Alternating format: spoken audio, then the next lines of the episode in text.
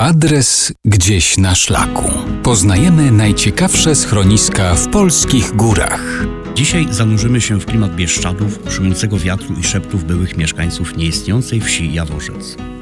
Na końcu świata, w Bieszczadach, gdzieś w Dolinie Wetliny, gminie Cisna, obok także nieistniejącej już wsi Łuch i Zawój, u podnóży Bukowiny stoi Bacówka Jaworzec.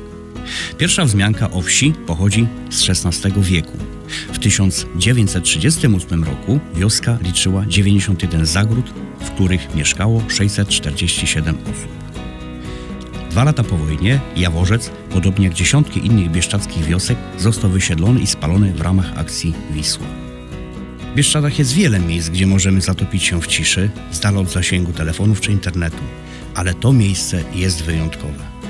Obiekt z racji swojego położenia ma ograniczony dostęp do wody, szczególnie w lecie, oraz do prądu.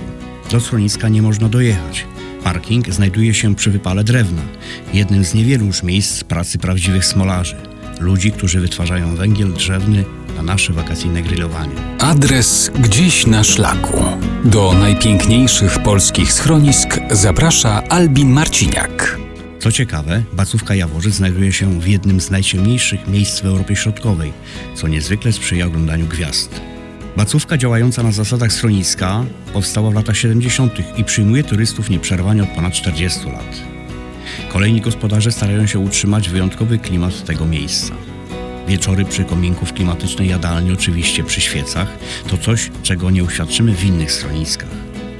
Niedźwiedź zaglądający o poranku przez okna schroniska, czy sarny przechadzające się obok, to także nic nadzwyczajnego. Podobnie jak stada wilków. W końcu to prawdziwe i jeszcze dzikie Bieszczady, gdzie wycieczki szkolne czy rozkapryszeni niedzielni turyści nie docierają. Tutaj można poczuć magię dzikich gór, tutaj można odłączyć się od cywilizacji, tutaj można naprawdę odpocząć.